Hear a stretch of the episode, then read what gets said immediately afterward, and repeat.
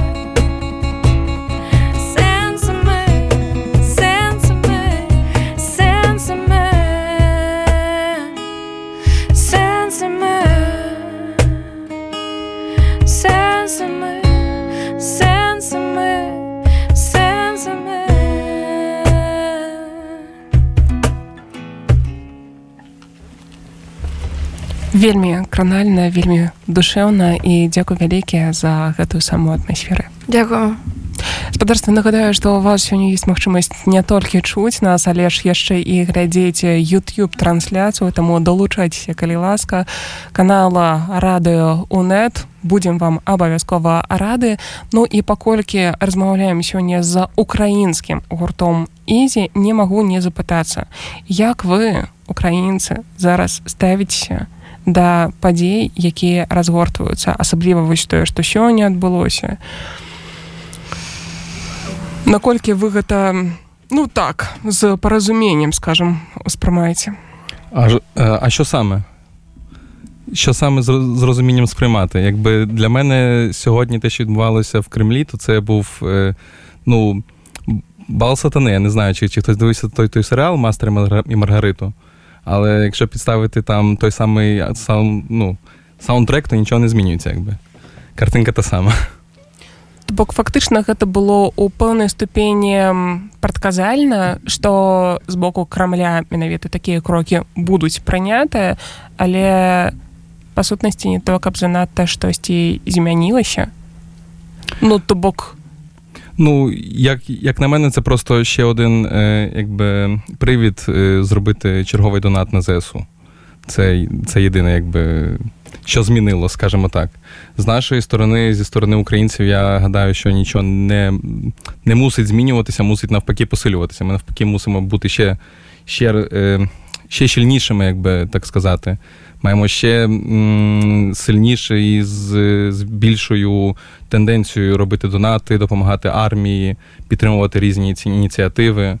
Е, допомагати біженцям і і тому подібне. Тобто, і, напевно, я знаю, що не не можна зупинятися.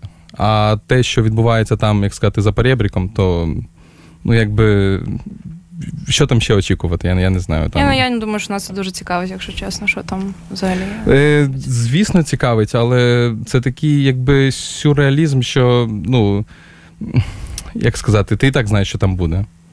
Так що... Я ну... про те ж. Угу. і ведаеце што вельмі файна што увесь сусвет цяпер у захапленні насамрэч ад таго які у вас файны народ які у вас файныя байцы зу о просто паклон І нават той чалавек Окей я сама пэўны час пражыла ў Киеве я ў захапленні таму шчыра вялікія дзякуй за тое што робіце і што людзі якія зараз знаходзяцца ва ўкраіне што людзі якія звонку зараз дапамагаюць не забываюцца пра гэта. Гэта вельмі круто. Дзякуй жывы гук працягваем. Што далей? Я не почула як що там було що далі далі я вважаю що це буде так пісня це буде пісня під назвою вечорниці угу, да. Е, це щось більш веселіше це теж кавер Е, І я знаю, що є багато версій цієї пісні. Ми спробуємо uh-huh. сьогодні е, показати свою. Да, дуже хочеться теж сказати, що ми писали їм. Ми писали цього гурту, коли вони приїжджали в Варшаву, і вони приїжджали не тільки в Варшаву, в Познань. В Любліні вони були. Ми їм написали. Як вони правильно Юра називаються? Як це читати? Тембер Бланч, якщо я не помиляюсь, і я правильно читаю. Ми їм написали, сказали, слухайте, ми вона нас репостила, вона нам стала лайки на цю пісню сама. І вона сказала, що якщо в них не було всього розписано по хвилинка до хвилинки, то вони б нас е, залюбки може і запросили би, що їм дуже. Тоже дуже Тоже не можна казати. Також також е, да, дуже вибачаюсь. Е, сподобався наш кавер. Ну і зараз е, побачимо, чи сподобається тут. Я прийду на вечорниці до місцевої телиці. Тут усі гуляють ряно, шкода тільки, що так п'яно. На-на-на-на-на-най, на-на-на-на-на-най,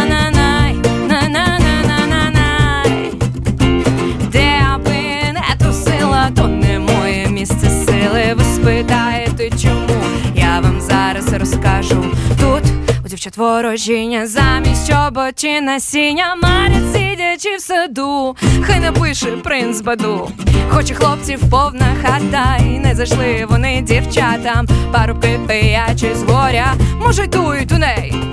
Солі, солі, солі, солі, солі, солі, солі, солі, щось ви надто кволі, а ми починаємо вже не скоро я прибуду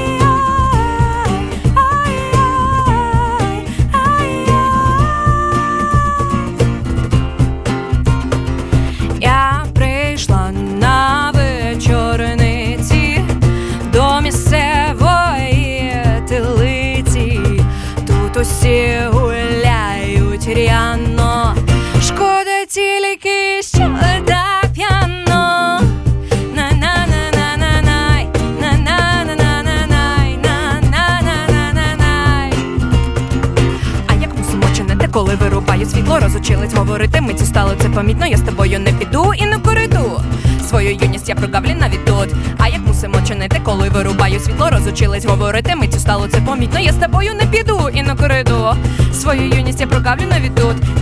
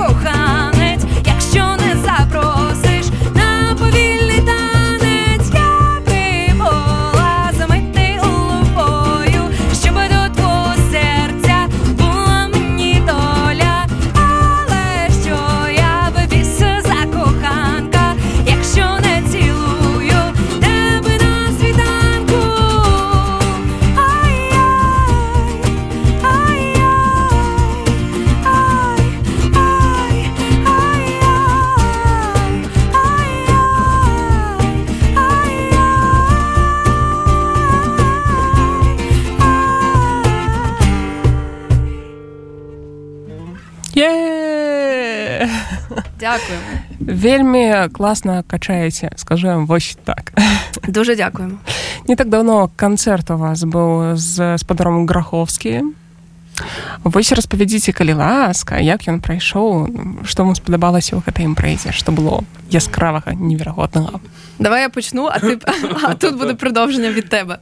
Я почну так. Колись випадково. Через знайомих до мене задзвонив е, Микола Шпаковський. Це людина, яка дуже допомагає. Він взагалі хірург, але він ще івенщик. От такий. Він подзвонив і каже, що він буде робити якийсь івент, що він привозить голоса країни. Я тоді не знала, хто такий Ігор, тому що я була дуже маленька, напевно, що коли він е, перемагав голос країни. І він каже, що ми приїжджаємо до Варшави, давай щось робити.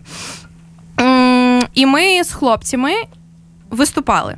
Там був такий івент український, е, Ігор Грохоцький, Микола Шпаковський і Влад Сотніков, це продюсер з Києва. Вони написали пісню.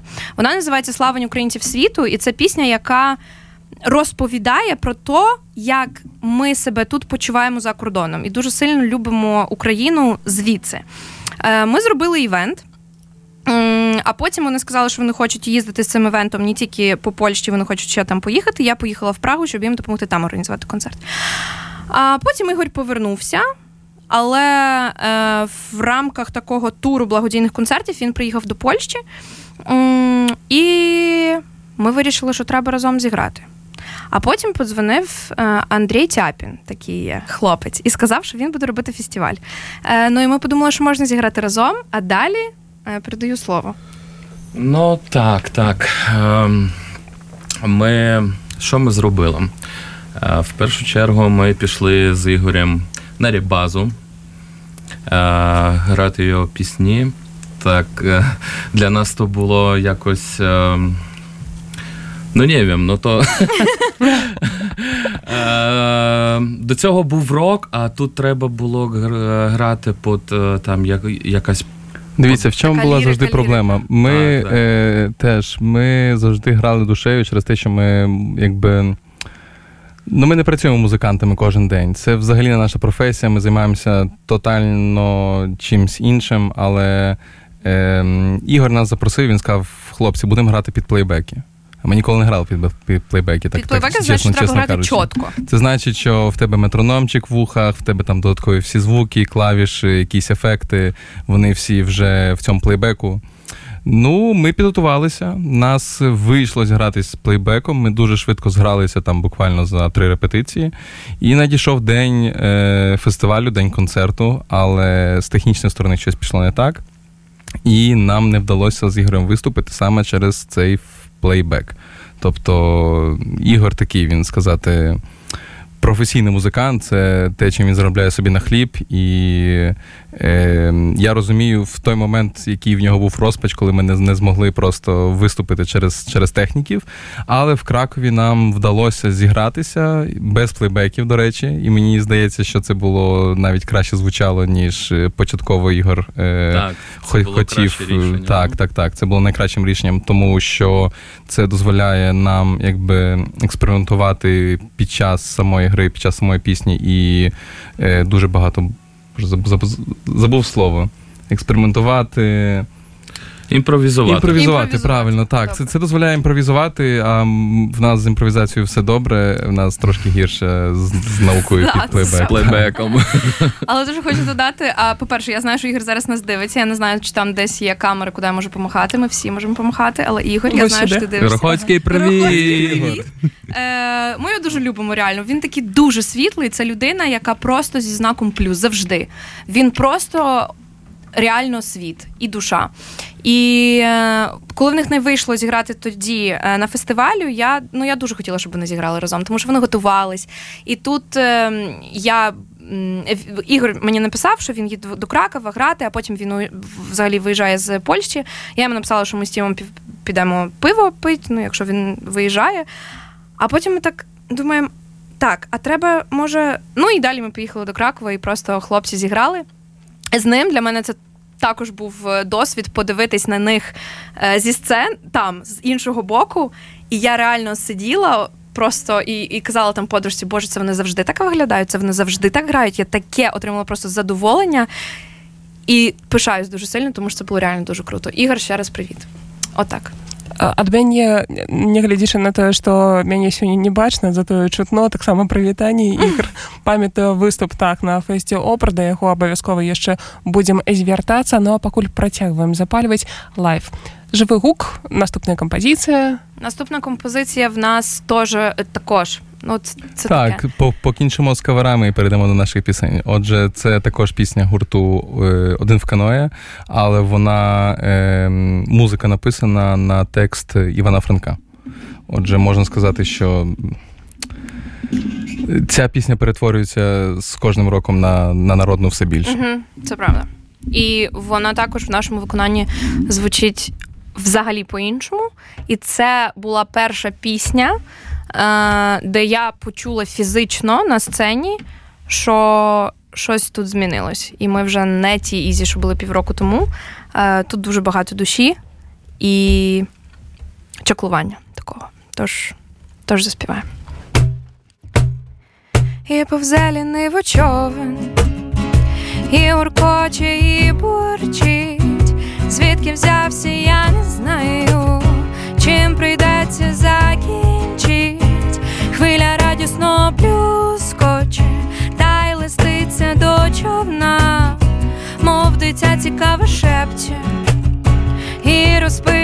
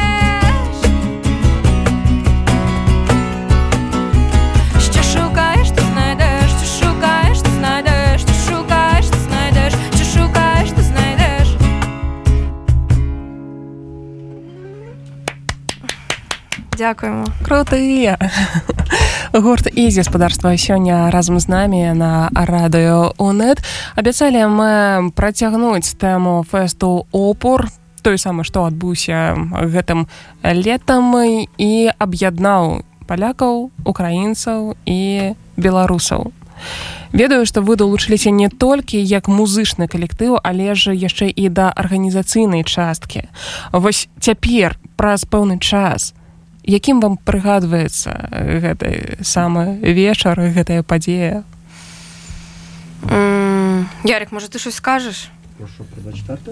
Про опір. Про опор. Я ж сказала, що це космос. Це космос.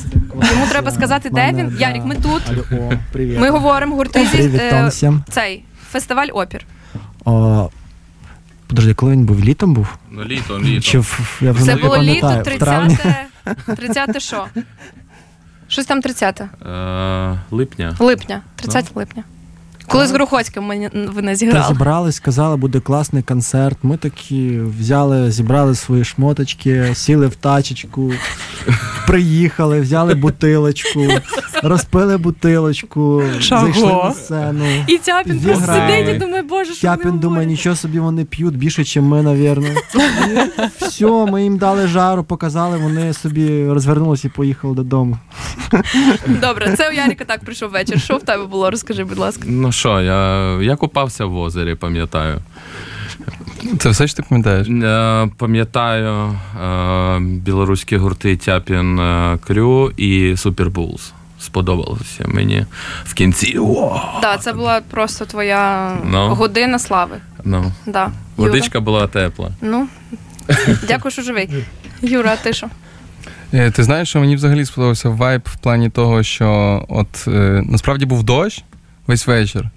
Я думав, що ну, вечір зіпсований, все зіпсоване, там всюди, всюди пісок, всюди брудно. Е, так не сильно, як сказати, приємно, якби я був зі сторони глядача і стояв би під дощем в залі і чекав би свій, свій улюблений або, або неулюблений гурт.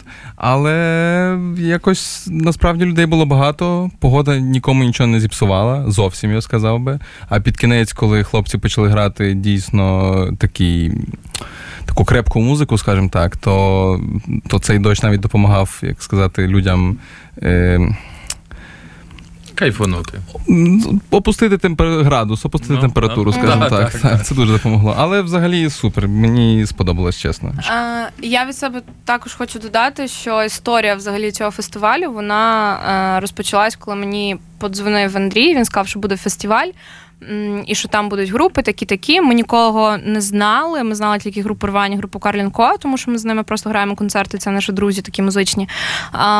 І він сказав, що буде. Я дуже сильно люблю івенти. Взагалі для мене організація музичних івентів це просто реально моя слабкість.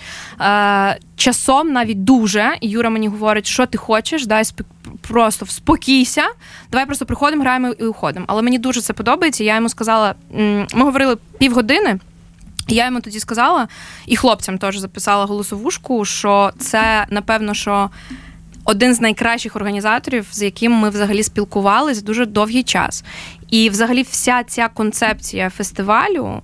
Об'єднання українського вайбу душі разом з білоруською такою е, силою і польською ще ну це реально було дуже круто. Я не можу сказати, що це був легкий івент, тому що це неправда. Реально. Ми з е, Тяпіним, якщо подивитись нашу переписку в Телеграмі, він мені колись написав, що ми, йому здається, що ми разом живемо, тому що ми просто реально зранку до вечора е, спілкувались про дуже різні питання, і з тобою е, теж. І я взагалі вважаю, що ведучі в нас були, були просто найкращі. Тож, Маріна, тут тобі Дякую. комплімент. Я пам'ятаю. так. Гуртизі. Привіт. Е, так. Зараз Ярік повинен спитати, що таке фестиваль опери і коли це було. А, і це не був легкий івент не тільки з точки зору е, організаційного, але й з емоціонального, тому що в одному місці зібрали стільки людей з позицією. Ну блін, це було реально дуже круто. Ми прийшли, і ми один одного настільки сильно відчували. Ми допомагали, ми зібрали гроші, які ми відправили на благодійність.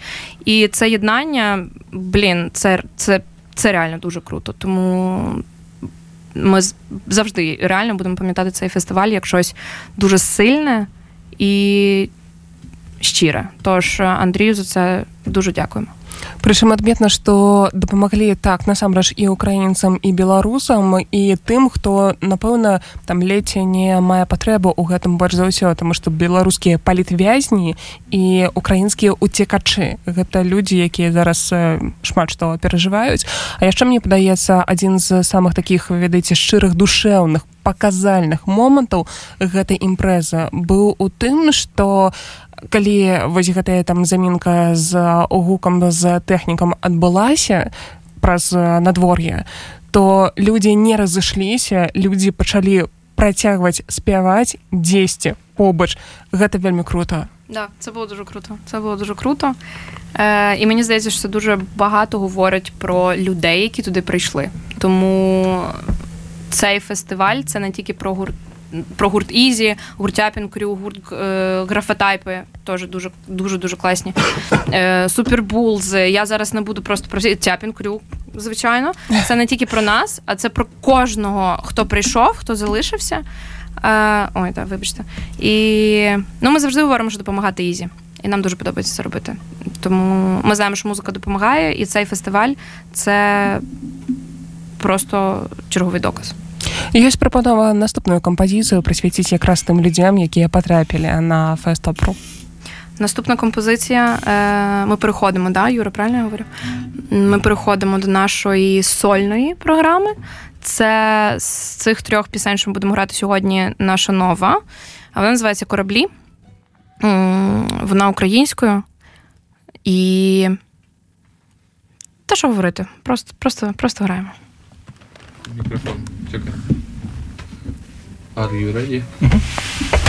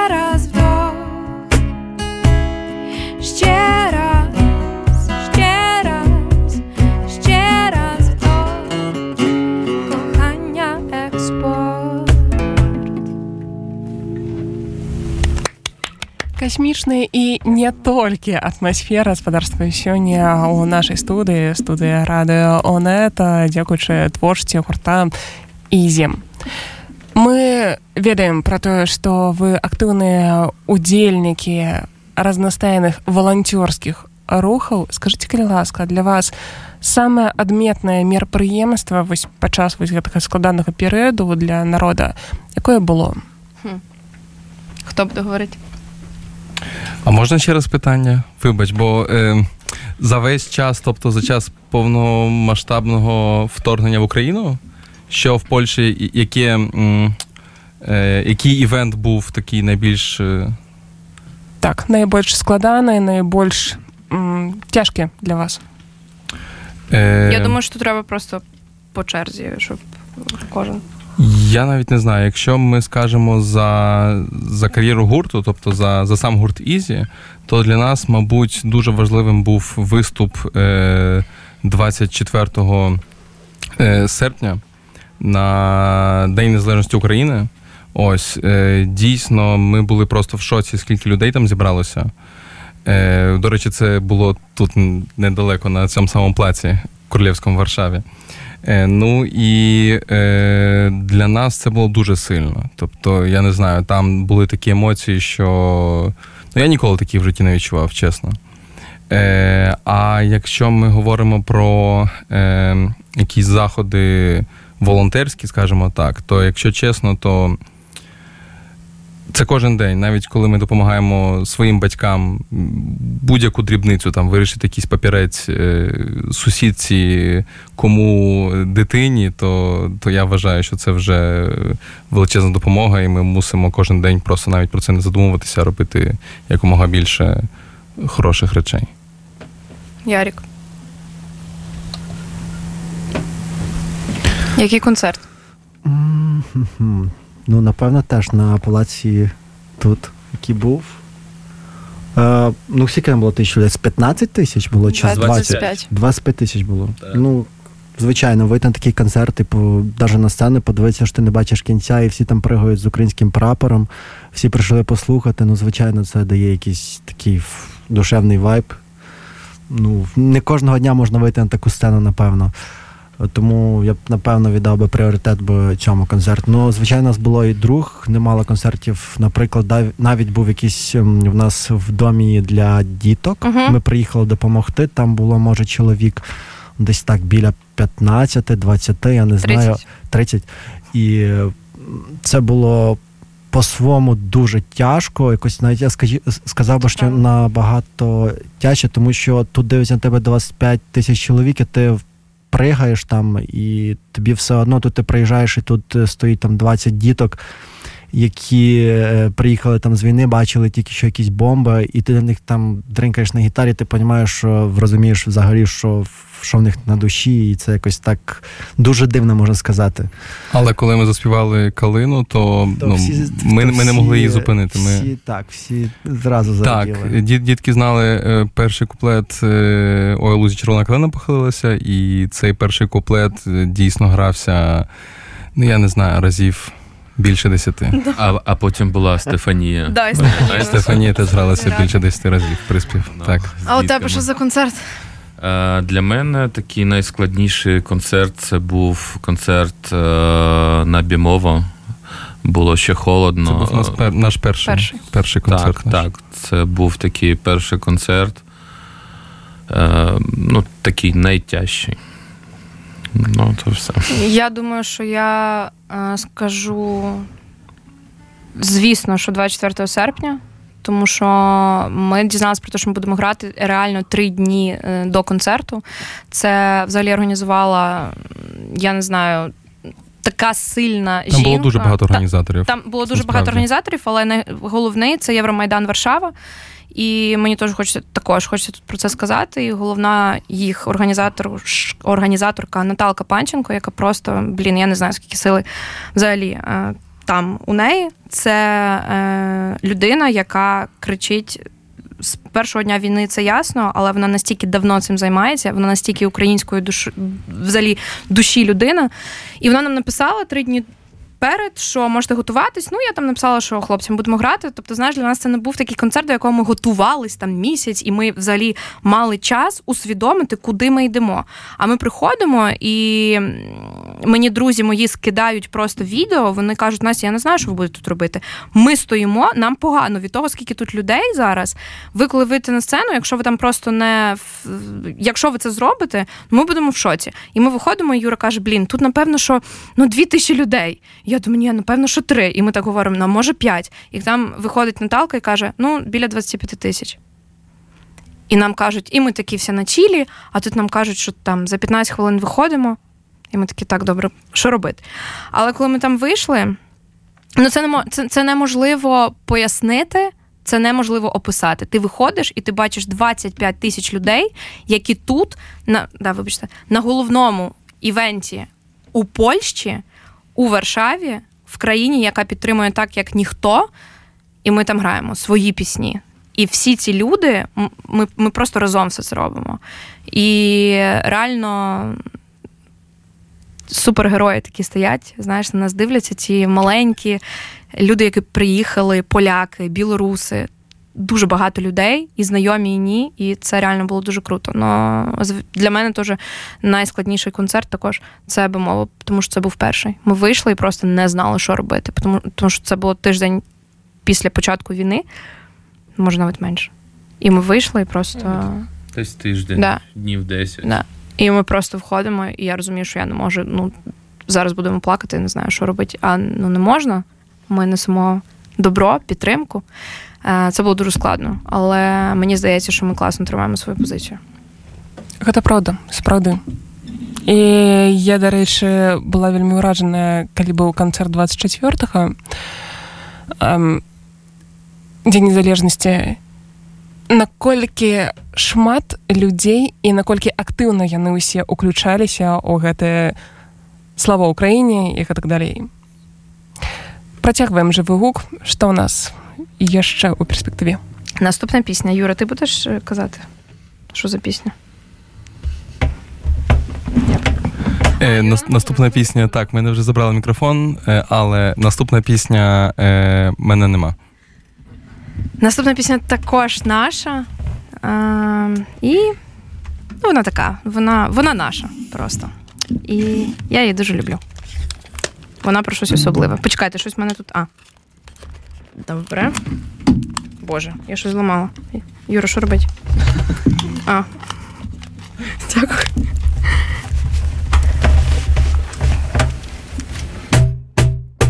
Знову навколо куп людей, купа навколо відкритих дверей. Мене нема,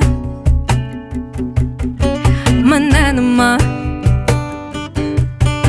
І чую не твоя, де було літо, там зараз зима, мене нема,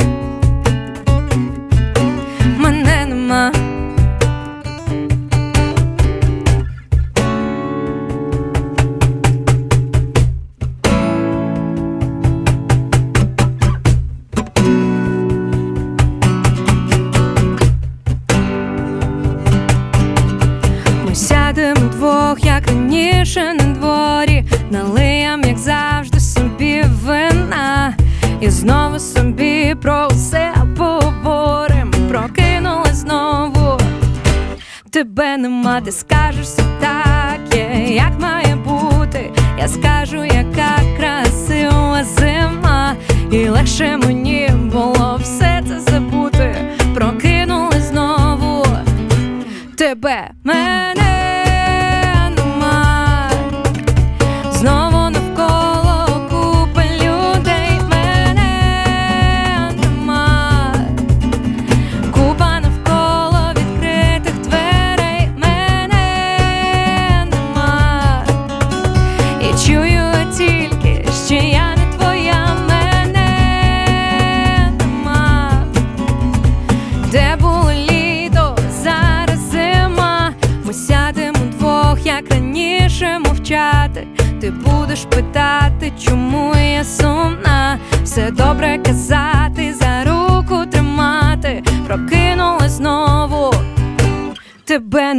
скажуть тобі, і так тихо лищути, розкажуть тобі про то, як була.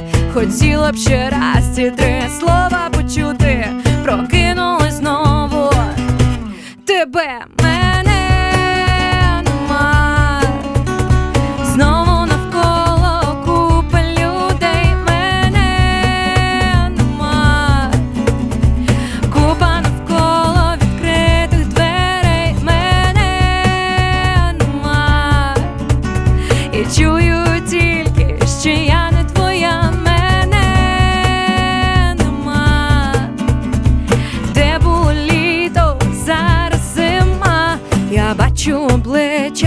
Я бачу життя, я бачу цей світ, у мене тебе нема.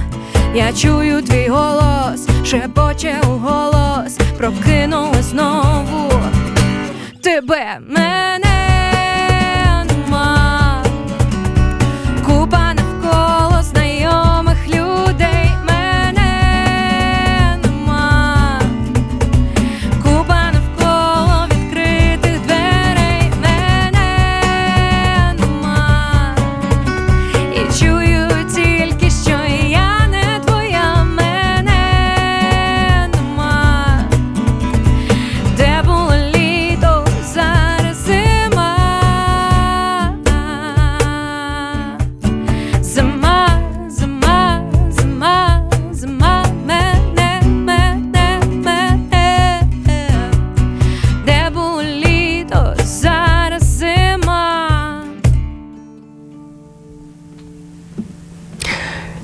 Як жа можна ўсё гэта бясконца слухаць і бясконца натхняцца Дуже дякую. Дзякую вам Класний вайб, правда, такий взагалі?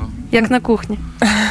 дарэчы зусім хутка ўжо будзем фінальную кампазіцыю граць таму што час на жаль прыспешвае але перад гэтым яшчэ дазволю сабе перадаць вам адно прывітанне ад Жені меркала ведаеце такога хлопца Звісно, звичайно, Женя, тобі привітання. Дуже тобі дякуємо за всі, за всі наші класні фотки, які з нами ну реально назавжди. Я вважаю, що ти робиш так, щоб наші моменти і емоції м, були з нами назавжди. Їх можна було видрукувати, повісти на стіну. Хто зараз друкує фотофотку? Давно друкував? А що в мене вісить на дворі Добре, в туалет? добре я, я жартую. Настя є такою людиною, яка дійсно друкує фотографії. Женя, дуже тобі дякуємо. Тобі привітання. Дякую, а ми передаємо вітання взагалі всім, всім мамі, е, мама, тато, друзі, родичі. А, і до речі, перед останньою піснею хочу сказати: е, якщо ви це вже сьогодні зробили, то, то можете ще раз зробити. Задонайте на, на ЗСУ. Правильно? Так, так, так. І перед останньою піснею хочеться сказати, що ми, гуртизі, робимо все через душу, через любов і кохання до наших, до хлопців, до дівчат, до нашої країни, до України, до нашої неньки. І ми точно знаємо, що музика допомагає, допомагати це ізі. І ми дуже вдячні за те, що ми сьогодні тут у тебе, Маріна. Дякуємо тобі за запрошення. рада Ну що, граємо? Це остання пісня, це наша авторська і перша пе- пісня гурту Ізі українською мовою. Дощ,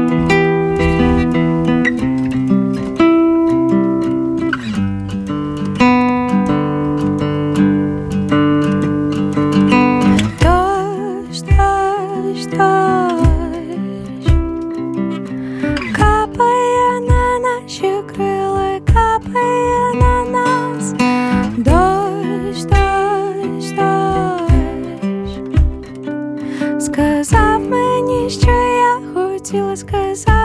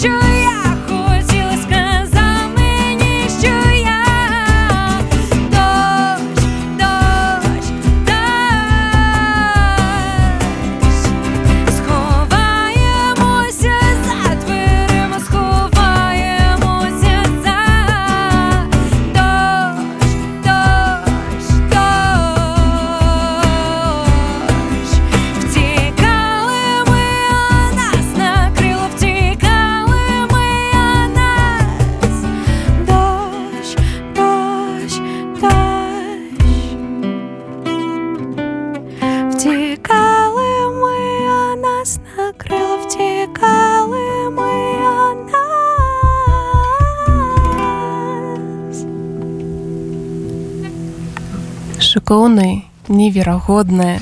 Той самы украінскі гурт з варшавы ізі. Дзяку вялікі за тое што сёння былі разам з намі.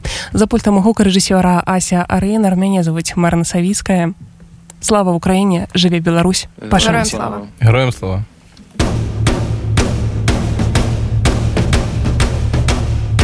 жыве Беларусь!